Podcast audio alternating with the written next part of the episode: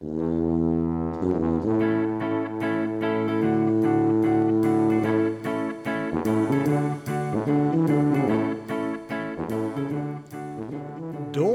vi velkommen vi til det som er den 13. sendinga av Vekas utvalgte. Forrige onsdag da hadde vi besøk av hun som er Høyre sin ordførerkandidat til valget neste år. Og i dag da skal vi derimot bli kjent med en som faktisk har prøvd å være ordfører, og det i to perioder. Velkommen til deg, Sven Flo.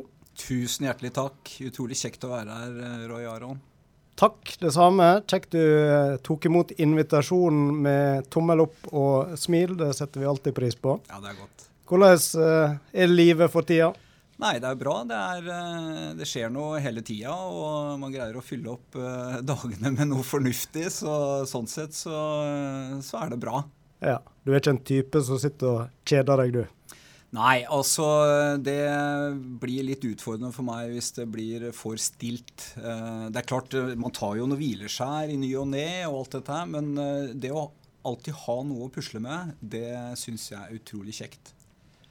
Du overraska jo ganske mange da det ble klart at du vil trekke deg tilbake fra lokalpolitikken. og må nå spørre, Har du fått mange reaksjoner etter at det ble offentliggjort? Ja, det har jeg, og det har vært udelt positivt. Eh, jeg syns det er utrolig kjekt da, å høre at uh, flere ville at jeg skulle stille uh, og gå på en ny periode. Men jeg har jo på mange måter jobba gjennom dette her over en lengre tid da, i forhold til å, å tenke at man skal bruke tid på litt andre ting. og sånn sett så var det naturlig for meg når eh, nominasjonskomiteen tok kontakt med meg eh, om jeg ville være en av de som eh, skulle konkurrere om eh, plassen øverst. Eh, så hadde jo jeg bestemt meg at eh, det ville jeg ikke denne gangen, så da sa jeg nei. Og da var det selvfølgelig for, for, nominasjonskomiteen å jobbe videre med de kandidatene som, som da var aktuelle. Og vi har jo foretatt vårt valg nå. og Sonja står på topp, og det er jeg veldig fornøyd med. Eh, og jeg er også veldig fornøyd med at jeg sjøl på en måte har også tatt den beslutningen da, at jeg ikke um, stiller som ordførerkandidat, eller som en av kandidatene. Da. Eh, det er jo nominasjonsmøtet som ivaretar dette her i utgangspunktet. Men det er klart, eh, jeg har mange år i politikken. Eh, jeg har sittet i 16 år i, i kommunestyret, hvorav to perioder, da, åtte år som ordfører. har engasjert meg veldig mye i det som skjer lokalt. og du, veldig, du, blir jo veldig på da, hele veien. sånn at du bruker også en del tid på det. Eh, så eh, i utgangspunktet så var det litt av vurderingen min at jeg vil bruke tid på andre ting. Og så var det jo sånn da, at når jeg ikke ble valgt som ordfører i 2019 eh, Det var jo som du har skrevet, og jeg var jo det. Jeg var jo veldig tydelig på det, da.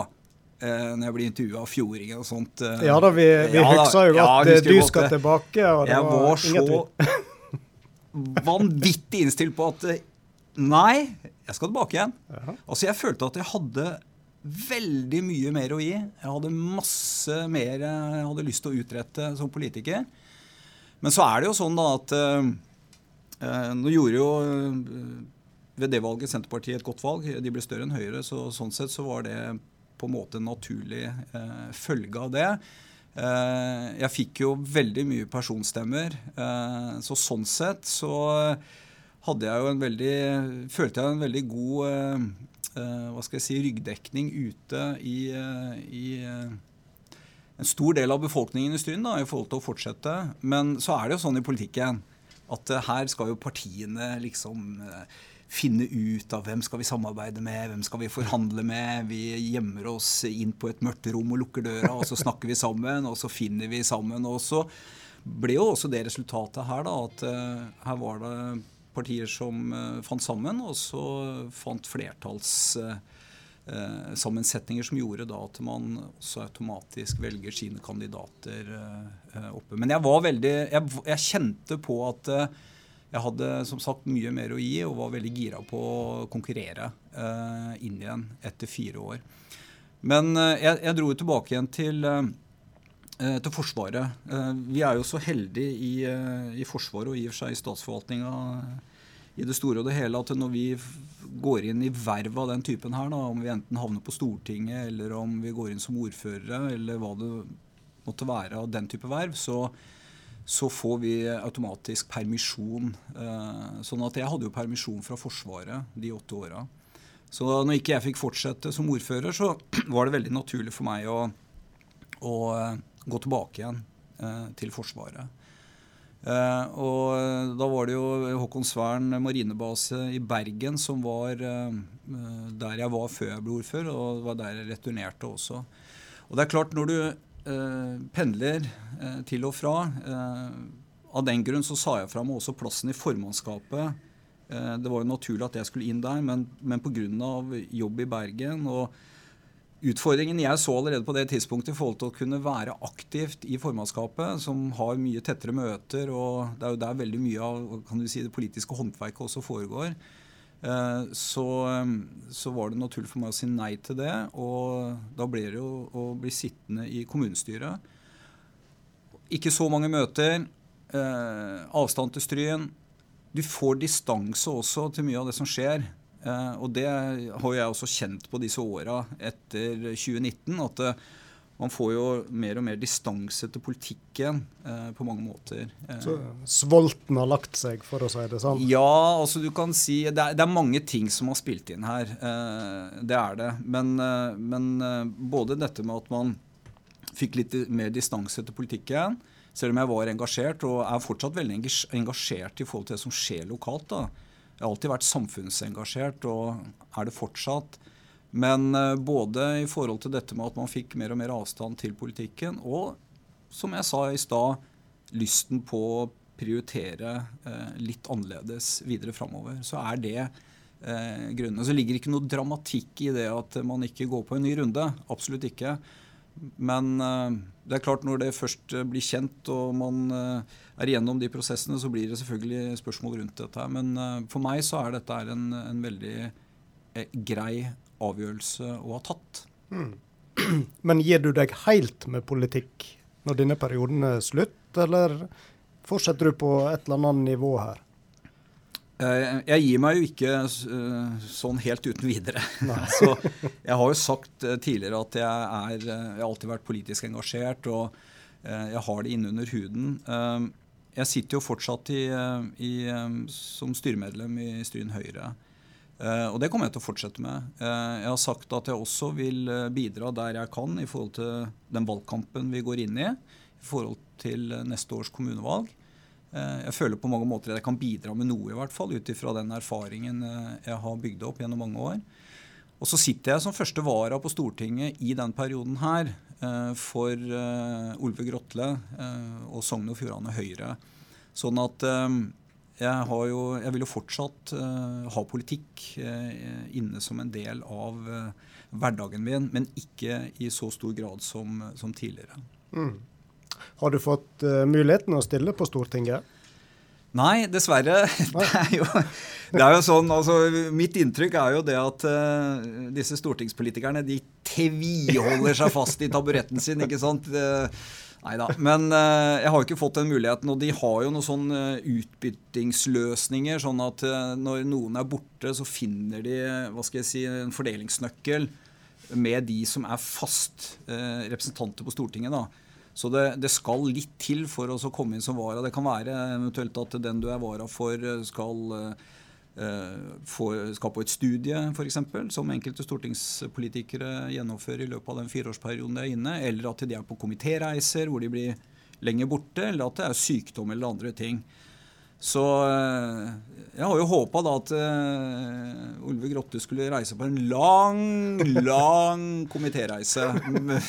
Men det har ikke skjedd ennå, da. Men jeg har absolutt uh, forhåpninger om å få, uh, få kommet en tur inn på Stortinget i løpet av den fireårsperioden. Mm er Grotle blitt oppmerksom på hvor motivert du er for å ta turen. Så. Ja, og det er veldig fint, da, for jeg og Olve vi har en veldig god eh, dialog. Vi snakker sammen titt og ofte.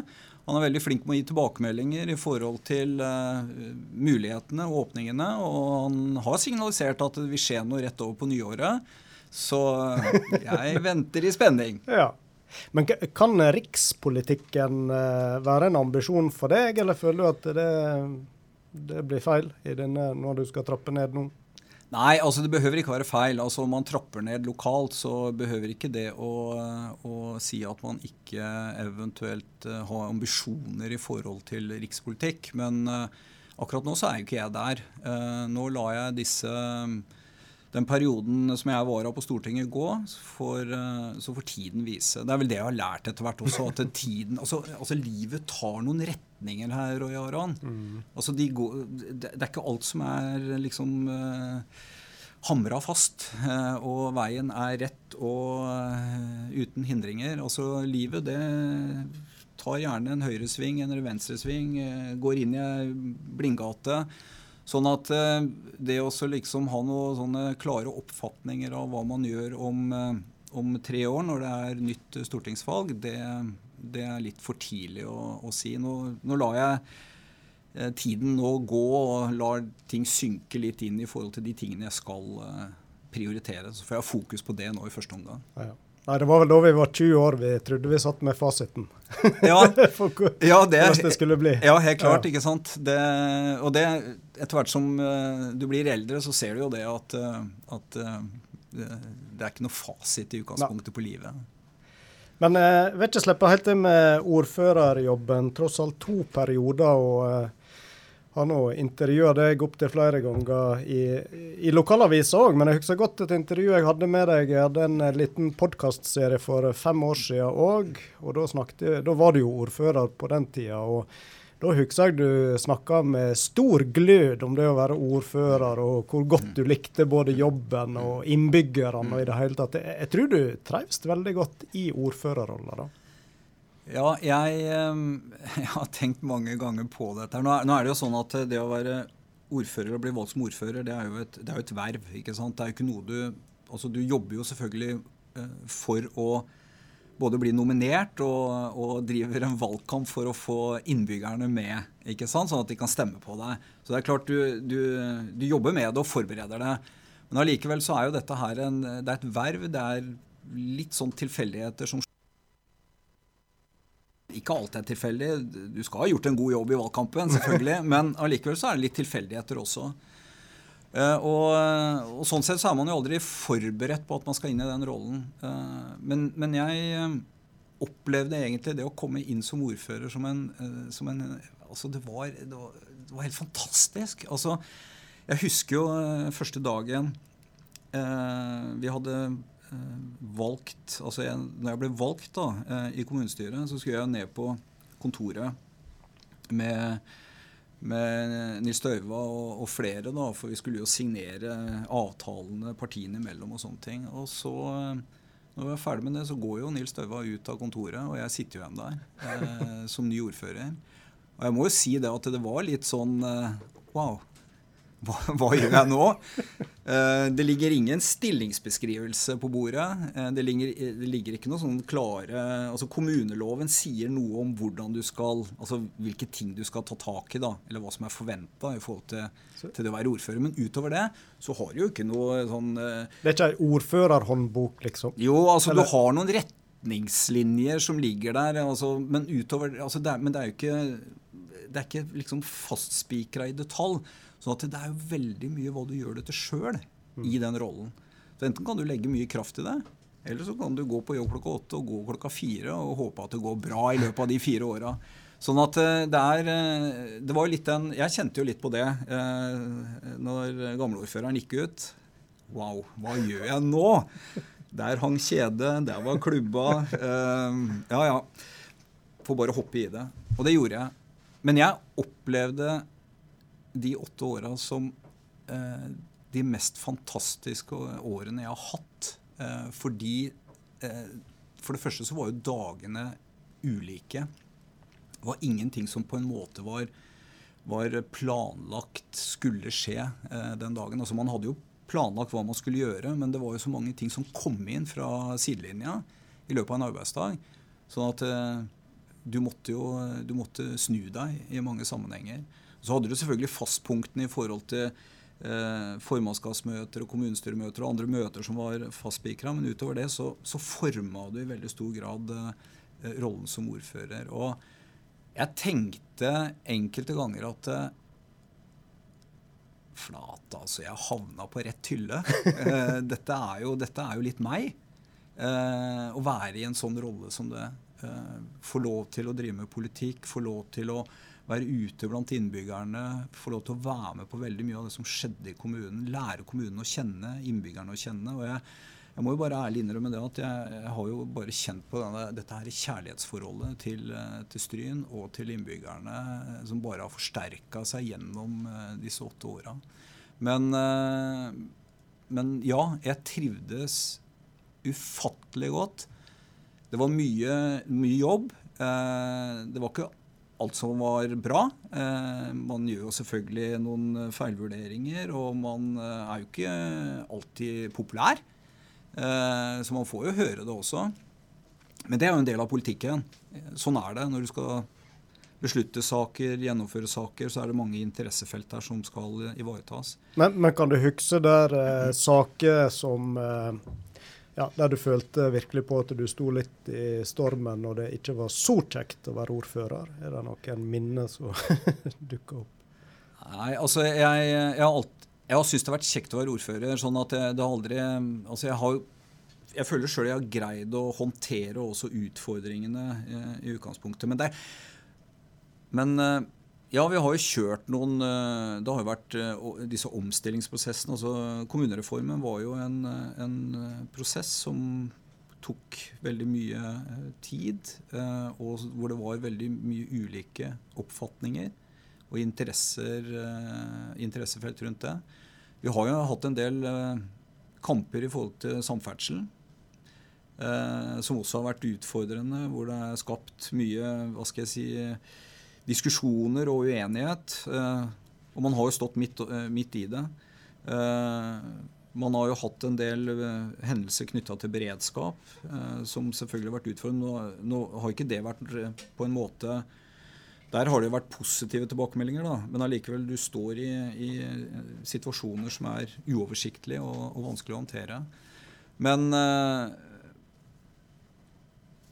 vi har jo hatt noen strukturelle endringer også. Eh, vi, hadde, vi har hatt noen skolenedleggelser annet, i min periode som eh, er tøffe å være igjennom eh, i utgangspunktet. Hvor man da også blir plassert som på en måte ansvarlig. da, Som mm. den øverste politiske lederen i, i Stryn kommune. Så det har vært mange, mange sånne saker. Men for meg så er altså tankene og eh, erindringene tilbake etter de åtte åra som ordfører, de er udelt positive. Det var, eh, altså Alt det som var utfordrende, det, det veier det positive opp eh, tigangeren. Mm. Så, eh, så jeg syns det har vært ufattelig kjekt. Og nå er du jo i Stryn næringshage. Ja. Og eh, da må du nesten fortelle litt om hva den jobben går ut på. Ja, jeg eh, begynte i Syn næringshage i, eh, i, mai i eh, fjor. Og fikk jo da tilbud om å, å jobbe som forretningsutvikler og jobbe med prosjekt i næringshagen. Og det at det var næringshagen og den muligheten til å komme inn i næringshagen som også på en måte bidro til at jeg, valget om å gi seg i Forsvaret var egentlig ganske enkelt. For det første var det veldig ok å komme tilbake til Stryn.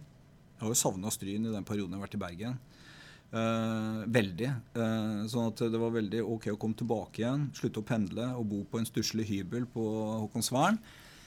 Eh, og eh, innholdet også i, i, stillingen i næringshagen var, eh, syns jeg var veldig veldig spennende. Så det, primært, det primært jeg jobber med, er jo vi jobber med ulike prosjekter opp mot uh, næringslivet i Stryen. Uh, vi gjennomfører ulike treffpunkt. Uh, vi hadde jo tidenes konferanse i fjor, som var veldig vellykka. og vi kjører også månedlige treff i forhold til noe vi kaller Innom, hvor vi har dagsaktuelle og høyaktuelle temaer da, som vi, vi bringer til torgs og ønsker å formidle ut til de som er interessert. Er en ganske sånn lavterskeltilbud. Men når det gjelder prosjektene ellers, så er det alt fra å jobbe med Stryn sommerskisenter, som vi har gjort en del nå, i forhold til å se på nye muligheter for de til å utvikle seg. Vi jobber med, med landbruket i forhold til um, lokalmatproduksjon. Uh, vi jobber med sirkulærøkonomi og bærekraft. Det har jo blitt et, et, viktigere og viktigere tema vi jobber med nå i forhold til næringslivet. Så vi har vært igjennom nå et større prosjekt med, med tre bedrifter i Stryn hvor vi ser litt på dette her med mulighetene for ombruk, eh, gjenbruk. eh, det å samarbeide tettere i forhold til dette med å få til et lavere avtrykk i forhold til, til miljøet. Hva, bransje er vi da? Ja, vi er i eh, vi er, eh, Jeg kan jo nevne også De som har vært involvert i, i det prosjektet, er, eh, er, Stryvo, Hagen og Innvik. Altså Innvik AS. Og, og, dette er jo tre bedrifter med veldig ulik hva skal jeg si, produksjon. Og det gjør jo også dette her enda mer spennende. Men det er jo litt sånn vi jobber da i Næringshagen. Vi, vi prøver å, å finne gode prosjekter eh, sammen med næringslivet for å se da mulighetene for å utvikle oss eh, både i forhold til det grønne skiftet, men også se på mulighetene til å øke eh, kan du si, mulighetene for ny produksjon. Kanskje også få til løsninger hvor vi kan få nytilsetninger, skape verdier på den måten. Så der skal på en måte vi ha en rolle. Vi er jo en, kall det gjerne en halvstatlig organisasjon. Eh, Siva i Trondheim, som er knytta til departementet, er eh, inne på eiersida. Men i all hovedsak så er det bedriftene i Stryn som eier oss. og Derfor er det veldig naturlig for oss også å jobbe inn mot bedriftene. Og I tillegg så jobber vi også med det som heter førstelinjetjeneste. Eh, altså gründere og andre som ønsker å, å starte virksomhet. Veilede de gjennom den jungelen det er i forhold til søknader, det å få tak i penger, det å lage forretningsplaner, eh, sette opp budsjetter og sånne ting. Eh, og der har vi en eh, avtale da med Stryn kommune hvor vi ivaretar førstelinjetjenesten også på vegne av kommunen. da. Sånn at vi er jo et sånn mini næringsdepartement da, for, for Stryn kommune. Eh, og har et eh, godt og tett samarbeid med Stryn kommune. Men ønsker selvfølgelig å utvikle det enda, enda mer. Da. Og det, det, var jo også en av de tingene som var interessante uh, i diskusjonen med Næringshagen når jeg skulle skifte jobb. Det var jo uh, bakgrunnen min som ordfører, politiker, og det at jeg kjenner kommunen uh, relativt godt. Og at jeg også kunne komme inn der og ha en rolle å spille da, i forhold til samhandlingen mellom Næringshagen og og Stryn kommune. Men Vi er en god gjeng der borte. Vi er en liten gjeng, men eh, vi, eh, vi har eh, brei kompetanse og mener at vi absolutt kan bidra inn i forhold til næringslivet i, i Stryn. Så jeg trives veldig godt der borte. Mm. Framoverlent og framme i skoa, det er jo et uh, uttrykk som jeg vet du uh, bruker en del, har iallfall gjort det. Føler du næringslivet i Stryn er framme i skoa? Ja, jeg syns det. Jeg syns næringslivet i Stryn eh, er eh, absolutt framme i skoa. og jeg føler, Det følte jeg også som ordfører. Jeg kjente jo veldig på det. Altså, De var veldig eh, hva skal jeg si, energiske. De var veldig utålmodige. De var opptatt av at det skulle være framdrift, og at man skulle hva skal jeg si, tilrettelegge for at de både kunne bygge, utvide, utvikle seg.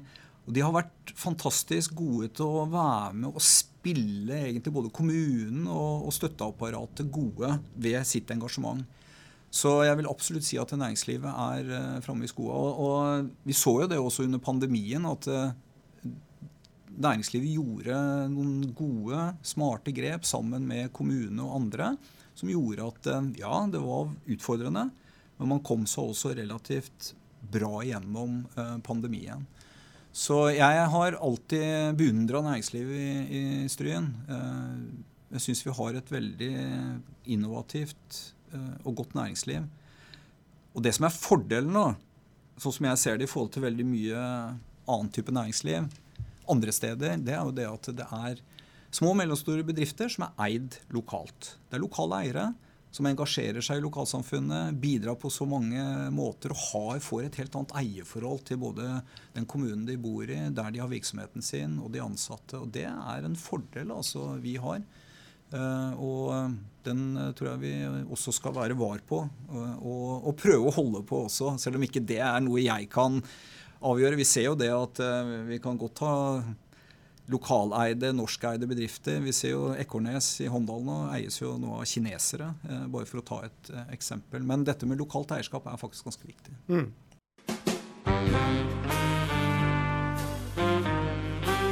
Du lytter til Radio Stryn. Men Sven, jeg tenkte i denne bolken så må vi prøve å spole litt lenger tilbake enn ordførertida og, eh, og de åra. Vi skal tilbake igjen til opphavet ditt. Eh, ja. Du har jo et eh, strynenavn så godt som noe, men dialekta avslører jo at vi skal øst om fjella.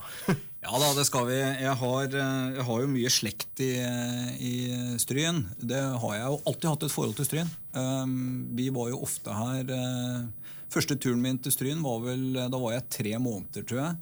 Eh, og har vært veldig mye når besteforeldrene mine levde, mye hos de i oppveksten. Men eh, det er riktig. Jeg er altså eh, Oslo-gutt. Selv om jeg ikke føler meg som det nå, da. altså jeg, jeg, føler meg absolutt som, som stryning. Men jeg er født og oppvokst i Oslo. på østkanten av byen. Uh, på østsida av Akerselva. Ja. Uh, når jeg vokste opp, så var det et skille der da ute mellom vest og øst av Akerselva. Hvor uh, du hadde vestsida av byen, som var litt mer prominent, og det var der de fine husene var. Og så var det oss på østsida som bodde i drabantbyene. Du skulle jo vært uh, Ap-mann, du, da? Eller? ja, eller kanskje enda lenger, enda lenger til venstre. Ja. Ja. ja. Nei, eh, livet mitt tok meg i den retningen, og det kan jeg jo si litt om eventuelt etterpå. Da. Men, eh, men jeg er født og oppvokst, bodde i oppveksten oppe på Haugerud, mellom Tveita og Furuset. Uh, hadde en, en, veldig fin oppvekst uh, med foreldre og to brødre. Uh, godt nettverk. Eh, egentlig en veldig fin plass å, å, vokse opp. da. Det var en helt ny drabantby. dette her. Eh, tett opp til Østmarka, sånn at vi hadde jo eh, skauen og naturen veldig nære. Veldig, veldig grei eh, og fin oppvekst. Eh, sparka en del fotball eh, på Løkka. Mm. Fram til jeg begynte å bli mer aktiv da, i idrett når jeg var 12-13 år. Eh, for det er jo litt eh, Jeg, jeg syns jo det er litt artig, da, fordi når jeg vokste opp, så var det liksom, Du kunne gjøre noen retningsvalg da, i ungdommen. Eh, på det tidspunktet så var jo Tveita-gjengen i ferd med å etablere seg. En ganske kjent gjeng, egentlig. Ja, Tveita-gjengen eh, er jo vel eh, en av Norges mest eh, berykta blant A- og B-gjenger, hvis du hiver på dem. Så, ja, ja, så de begynte jo litt sånn Røre på seg. Ja, ikke sant. Ja. Litt sånn småkriminelle. Gjorde brekk i biler og litt sånn småtteri. Men det var liksom en gjeng du du holdt litt avstand til. da. Men uh, heldigvis så valgte jeg idretten da, framfor uh, Tveita-gjengen. Jeg vet ikke hvordan det ville ha gått. Men, uh, men Så jeg meldte meg inn i ski- og fotballklubben Lyn, som lå på vestsida av byen. Altså, de hadde jo tilhold på Ullevål. og begynte å gå på ski vinterstid og løpe orientering om, om sommeren. og sparka også litt fotball. Eh, så jeg var mye på Ullevål eh, og på Sognsvann knytta til idrettshøyskolen, hvor vi, vi, trente. Så jeg holdt på med det i oppveksten eh, sammen med alt det andre spennende jeg dreiv med fram til jeg begynte i Forsvaret da, som 19-åring. Mm. Så jeg har hatt en fin, fin oppvekst i, i, Oslo. Men er, det er et tilbakelagt stadie, og jeg kunne ikke tenkt meg å flytte tilbake, egentlig. Uansett. Mm. Men eh, familierøttene de er fra Flo, og du hadde besteforeldre da i Oppstryn? Ja, da hadde jeg besteforeldrene mine bodde oppe i Gjeldalen. Eh, og det er jo der eh, jeg arva småbruket da, etter de. Når jeg kom tilbake igjen til Stryn i 2002. Så som sagt, hatt veldig tette bånd til, til Stryn. Jeg husker jo det når jeg var her som liten. Etter hvert så reiste jeg aleine over til mine besteforeldre. Og det var en sånn gedigen nedtur å reise inn igjen til byen. Ja. Det var skikkelig det var, jeg, jeg, var ordentlig det, det, Jeg var i tårer og var Jeg, jeg kunne godt tenkt meg tviholdt på å få være her. Og når jeg kom til, inn til asfaltjungelen igjen og skulle liksom inn igjen i rutinene der, begynne på skolen igjen, og sånne ting, så var det en sånn kjempeovergang for meg. Det tok også mange uker før jeg på en måte greide å avklimatisere meg fra den, de fantastiske opplevelsene og alt jeg fikk oppleve i Stryn. da. Eh, og det har alltid hengt ved meg. Og derfor har Stryn alltid vært noe helt spesielt i eh, hjertet mitt. Så du har alltid vært en landsens gutt, du, da? Egentlig så har jeg det. Ja. ja. Men eh, ja, mange ferier i Oppstryn, og ryktet ved nå har det til at du drømte om et liv som bonde òg. Jeg vet ikke hvorvidt det stemmer? Ja, det stemmer egentlig ganske bra, fordi når jeg um, skulle velge uh, etter videregående så eh, hadde jeg faktisk en idé om å søke, og jeg tror faktisk jeg langt på vei også hadde skrevet søknaden til eh, Langvin for å ta agronomutdanning. Så jeg hadde et sterkt ønske på det tidspunktet å gå den veien. Vurderte eventuelt også da Landbrukshøgskolen på Ås, eller eventuelt å ta en veterinærutdanning. Så det var, det var noe som på mange måter var veldig veldig sterkt hos meg. Eh, og drømmen var å kunne drive et gårdsbruk.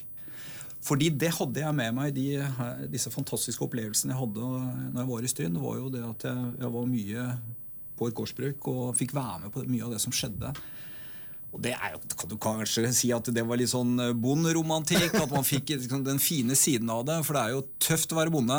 Og jeg har så ufattelig respekt for bøndene i forhold til den jobben de, de legger ned. Men jeg hadde veldig lyst til det. Men eh, så var det jo Forsvaret da, som, eh, som kom først. Jeg skulle jo inn uansett til førstegangstjeneste, men jeg tok befalsskole istedenfor. Og da var det gjort. Så da ble det i og for seg det retningsvalget. Men ja, og den, dette har ligget eh, sterkt i meg hele tida, eh, dette med landbruk. Mm. Men, men, var Forsvaret veldig tilfeldig at det ble retninga og en karriere? Eh, det var egentlig Ja, en, eh, før jeg eh, søkte befalsskolen, så var det, hadde jeg ikke noen sånne sterke tanker om det. Men eh, dette kom egentlig som en modningsprosess. Jeg var en periode knytta også til det som het H-ungdom. altså ungdom, eh, altså Heimevernet hadde en ordning for heimevernsungdom. Eh, eller for ungdom, da. Så, så, jeg fikk jo litt eh, føling med hva skal jeg si, militæret den veien, da. Men jeg, jeg hadde en motivasjon i forhold til enten å gjennomføre førstegangstjenesten og så eventuelt finne et annet retningsvalg, eller å søke noe alternativt da, i Forsvaret. og Da ble det befalsskole. Så det var et bevisst valg da. Mm. Mm. Så da tok du utdanning i Forsvaret. og Hva var det du ja, spesialiserte deg innen? Eh, det var ingeniørfag. sånn at Jeg gikk jo befalsskolen for Ingeniørvåpenet. Og så tjenestegjorde i Nord-Norge en periode. Og så tok jeg et, et studie etter jeg var ferdig med befalsskole og, og plikttjeneste og noe engasjement. Da. Så da reiste jeg til Sverige og studerte uh, ingeniørfag. Så jeg er utdanna flyingeniør uh, fra Sverige, var der i tre år. Uh, og så gjorde jeg et nytt, var det et nytt valg. Enten var det å være fortsatt i Sverige og, og jobbe med, som ingeniør, da, flyingeniør. Eh, svenskene har jo et fantastisk godt miljø i forhold til eh, alt som har med fly, flyteknikk, eh, utvikling tilsvarende. De produserer jo også sine egne fly.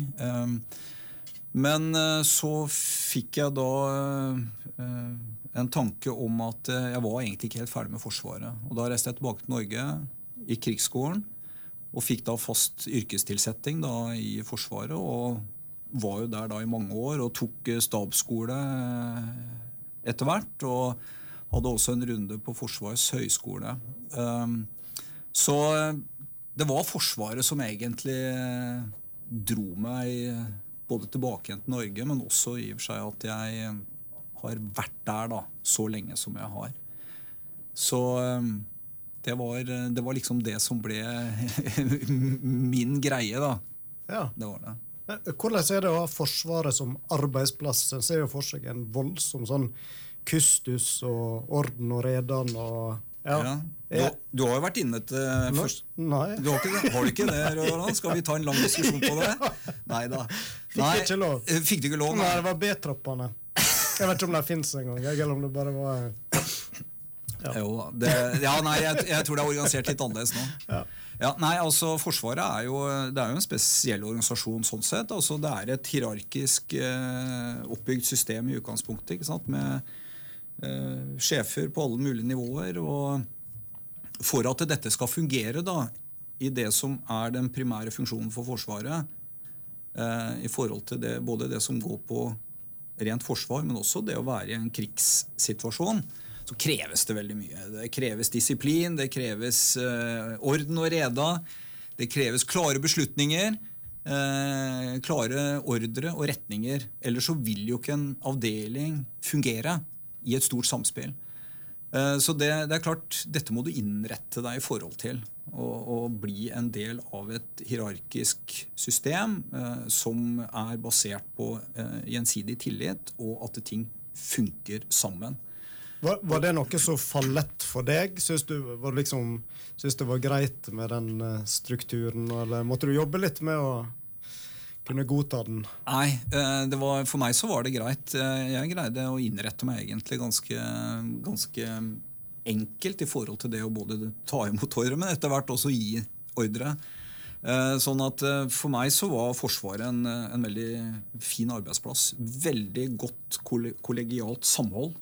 Eh, Det er veldig gode team eh, man jobber sammen med, og man har tette bånd eh, både i jobb og fritid i stor grad. Spesielt når du bor og jobber i garnisoner. Og jeg har jo bodd noen år i Indre Troms, på Skjold. Og det er klart det er, det er jo et militært samfunn.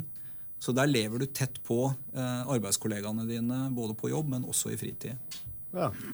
Hvordan vil du si å jobbe i Forsvaret skiller seg fra næringslivet? Du har jo ulike mellomledere og toppledere og struktur og alt det der òg, men eh, litt annerledes er det vel gjerne. Ja, er, du, du finner kanskje enkelte likhetstrekk, det gjør du. Men, eh, men det er nok forskjell. Det er det. Eh, Og spesielt i forhold til, eh, til oppdragene, selvfølgelig. Altså, vi, det er jo kanskje litt rart å si det, da, men vi, vi øver jo og trener for krig i utgangspunktet. Det er jo det vi gjør. Om det så er en angrepsrelatert situasjon, eller om det er eh, i en forsvarssituasjon, er det primært forsvar vi har fokus på i Norge. Vi har ikke noe angrepsfokusert eh, vi har ikke noe angrepsfokusert eh, forsvar, men vi har jo vi, jo, vi må jo engasjere oss uansett. Vi har vært ute i internasjonale operasjoner, og vi ser det at eh, her, eh, her er vi trent til et spesielt formål. Så det er jo litt annerledes. Men, men metodikken, hvordan man trener, øver, hvordan man eh, bygger team, der finner du veldig mye likhetstrekk. Og ikke minst dette her med hvordan du behandler personell. Og Jeg har jobba med folk egentlig hele livet, eh, så lenge jeg har vært yrkesaktiv. sånn at jeg har måttet forholde meg til folk eh, som både er stabile, ustabile, har det bra, har det mindre bra. Eh, drevet med soldatopplæring, eh, drevet og trent internasjonale allierte styrker i Nord-Norge. sånn at eh, jeg har måttet forholde meg til folk hele tida. Og det finner du også ute i bedriftene. Det er der det er folk også som du må på en måte forholde deg til og ha en god relasjon til. Bygge tillit. Tillit er et viktig begrep oppi mitt hode. Men ro rolla til Forsvaret Litt tilbake til intervjuet jeg hadde med deg for fem år siden. Da husker jeg det var terror som du kanskje bekymra deg for da, men nå har det jo skjedd eh, ganske dramatiske ting øst for oss med krig i Ukraina. og Er det noe som uroer deg? Så En konflikt på eh, europeisk jord eh, bør jo bekymre enhver eh, i utgangspunktet. Vi hadde, jo, vi hadde jo krigen på Balkan tilbake i tid, i forbindelse med hvor vi også hadde norske styrker. Så en krig på europeisk jord bør bekymre alle i utgangspunktet. Men jeg tror ikke, på samme måte som, som Eirik Kristoffersen, forsvarssjefen vår, at, at vi skal gå og bekymre oss i hverdagen for dette her. Altså, Den situasjonen som er nå, den har man såpass god hva skal jeg si, oversikt over. Men det er klart, vi ligger jo veldig strategisk plassert da, her vi ligger, med nordflanken. og og har også et geografisk stort nedslagsfelt eh, som vi per definisjon skal forsvare, både for vår egen del, men også på vegne av Nato. Så, eh, så det er klart, strategisk så ligger vi, ligger vi hva skal jeg si, eh, både feil og riktig plassert, da, for å si det sånn. Men jeg er ikke bekymra. Det er jeg ikke. Jeg tenker også rundt dette med, med utfordringen fram i tid. Altså jeg er jeg, jeg, mener vi bør skjele mer til eh, det som skjer eh, eh, i Kina, og det som er hva skal jeg si, potensialet i forhold til konfliktområdet eh, i Kinahavet, enn eh, en det som på en måte berører oss da i denne konflikten. her. Men jeg tenker krig det er en uting. altså det er jo kanskje vi som har jobba i Forsvaret, og som er offiserer, som kanskje i størst mulig grad tar til orde for at det er worst case scenario, det er altså å komme i en krigslignende situasjon. Eh, mange, Vi ser det på kanskje, vi ser det også fra den litt brutale, stygge siden. Eh, og, og føler kanskje mye mer på dette, for vi veit eh, hvor mye som må ofres i en krigssituasjon. Både i forhold til lokalbefolkning og ikke minst også militære styrker. Så, så krig er, er, en forferdelig greie, og det syns jeg også er tilfellet her nå i forhold til Ukraina-krigen. Det er utrolig trist uh, å se egentlig det som skjer der. Så ja. Men Forsvaret Er du helt ute av det nå, eller er det noe engasjement lenger? Nei, eh, jeg er helt ute. Så jeg eh, har eh, avslutta mitt, mitt, liv i Forsvaret. Og det som er litt ok, da, som jeg syns er litt deilig å kjenne på, det er at det er et tilbakelagt kapittel. Jeg, jeg, det har vært en fantastisk arbeidsplass. Men jeg er ferdig med Forsvaret. Jeg har hatt masse gode minner. Men jeg, jeg angrer ikke på at jeg slutta og, og, reiste tilbake til Stryn og begynte i Næringshagen. Eh, jeg har ikke tenkt et sekund på at det var et feil valg. Og det er litt deilig å kjenne på. altså.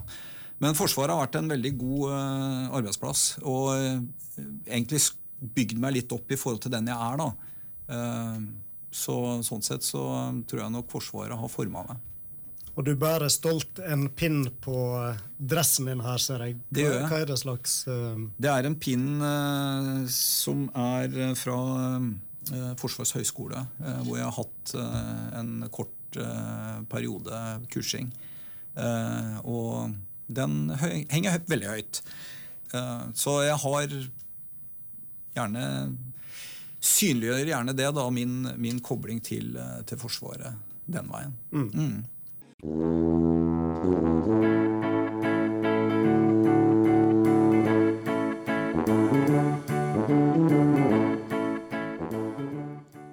gjest i dag, det er Sven Flo. Og eh, jeg tenkte på det nå når du trapper ned eh, med politikken, eh, så får du vel litt tid til overs, kanskje. Og da er jeg nysgjerrig på hva du skal erstatte den tidsbruken med? Har du noen planer der? Nei, altså eh, Foreløpig så er det ikke ting som er veldig eh, konkret. da, Men altså, jeg liker jo å, å være i aktivitet. Eh, jeg har lyst til å bruke litt mer tid og oppleve Stryn med alle de fantastiske mulighetene det er her. Det er ikke alle steder jeg har vært, det er ikke alle topper jeg har vært på. Sånn at, og jeg liker, liker å være ute i naturen. Ehm, liker å gå på ski. Ehm, sånn at jeg har lyst til å bruke mer tid på det. Få oppleve litt mer av denne fantastiske kommunen. Og så liker jeg å Jeg er litt sånn eh, praktisk anlagt. Eh, så jeg liker å gjøre ting. Eh, snekre, skru. Det er bare så synd at dagens biler ikke går an å skru på, for jeg skrudde mye bil tidligere. Så ja, du er jo flymekaniker, ikke eh, Ikke mekaniker, nei, nei. Eh, sånn at jeg ikke, ikke, ikke sett meg til å, å, skru på et fly. Eh, da ville i hvert fall ikke jeg sitte om bord i det flyet. Eh, nei, jeg, jeg, driver jo mer på og tegner og konstruerer og beregner. Ah, ja. Så det er det ja. Så Men å skru på et fly, det, det vil jeg ikke. Men jeg liker å, å skru, da. Eh, og har skrudd bil eh, tidligere i oppveksten og syns det er veldig spennende. Men jeg liker eh, hånd håndverksrelaterte ting, da. Snekre, mure, male. Alt dette syns jeg er kjekt. Og, og sånne ting har jeg tenkt å bruke litt mer tid på. fordi jeg har også dette her småbruket som jeg må ha litt eh, oppgradering på. Uh, og så uh, er jeg fortsatt samfunnsengasjert, så jeg kunne godt tenke meg å engasjere meg mer i frivilligheten. Og er det noe jeg har erfart, i hvert fall i tida som ordfører, så har vi jo et Røde Kors i Stryn som er bare helt fantastisk. Vi har tre ulike lokallag her med Røde Kors. Kunne jeg tenke meg etter hvert å engasjere meg i. Og så er jeg opptatt av ungdom og barns uh, oppvekstvilkår. Og i dag så ser jeg at samfunnet blir mer og mer hva skal jeg si, stramt. Eh, det blir mindre og mindre rom for eh, å være forskjellig. Sånn at jeg kunne godt tenke meg også å bruke litt mer tid på å kanskje bruke litt av min erfaring gjennom et langt yrkesaktivt liv, også på frivillighet inn mot barn og unge. Så og, og, kanskje spesielt i forhold til psykisk helse, da, som jeg føler har blitt en ganske stor utfordring nå eh, i samfunnet vårt. Og jeg er litt redd for at man ikke er bevisst nok på det og tar tak i det. Eh, spesielt fra sentrale myndigheter. Så eh, dette er ting som jeg kan eh, tenke meg å, bruke mer tid på i tida framover. Mm jakt og sånt, er det noe du Det er vel tida for det nå å begynne folk å rastløse rundt? Og... Ja, det er sånn at det nå er litt skummelt å være ute og ta seg en løpetur, i hvert fall uh, oppe i eh, bygda hos meg. Uh, sånn at det der bør du holde deg på veier som er godt opplyst og, og sikre. Nei da. jeg er ikke noe jeger. Altså, jeg har alltid vært fortrolig med våpen og alltid skutt. Uh, og Både i skytterlag og i og for seg i Forsvaret. Men jeg, aldri, jeg, kom aldri til det punktet hvor jakt uh, ble noe, sånn der, uh, noe, stort engasjement hos meg. Ikke det at, er, at ikke det er riktig og viktig, men det falt ikke naturlig for meg. det er ikke sånn at jeg syns det er så synd på hjorten at den ikke kan bli skutt. Men jeg kom aldri dit. da. Men det kan være, kanskje, man får en interesse her og blir altså, som veldig mange andre i kommunen her, Eh, helt låst i perioden nå fra og utover mot jul i forhold til jakt. Og så vet jeg jo du liker å bake. Jeg hadde et lite håp her om eh, du kom med bollekake i dag, da. Men, uh... ja, altså Hadde jeg visst at ikke du hadde kake her, så skulle jeg ha gjort det. Ja, jeg liker å bake. Jeg syns ja. det er ufattelig kjekt. Og har jo bakt egentlig en del opp gjennom tida. Det uh, har jo svinget litt, har vært nede også hvor det ikke har vært så mye. Men uh, jeg prøver å bake litt jevnt og trutt da, og eksperimentere litt. Ja. Men uh, bollekake er jo min spesialitet. ja. hva, Der er jeg ganske god, altså. Ja, Hva inneholder den, da? Nei, Det er hemmelig. Oh, ja, det er hemmelig. Ja, jeg hadde med meg litt Nei da, den er ikke hemmelig. Men det er sånn, litt sånn vanlige ingredienser. Men jeg har med meg litt fra Sverige, da, så jeg putter litt ekstra eh, svensk sjel i det. Og da blir det veldig godt.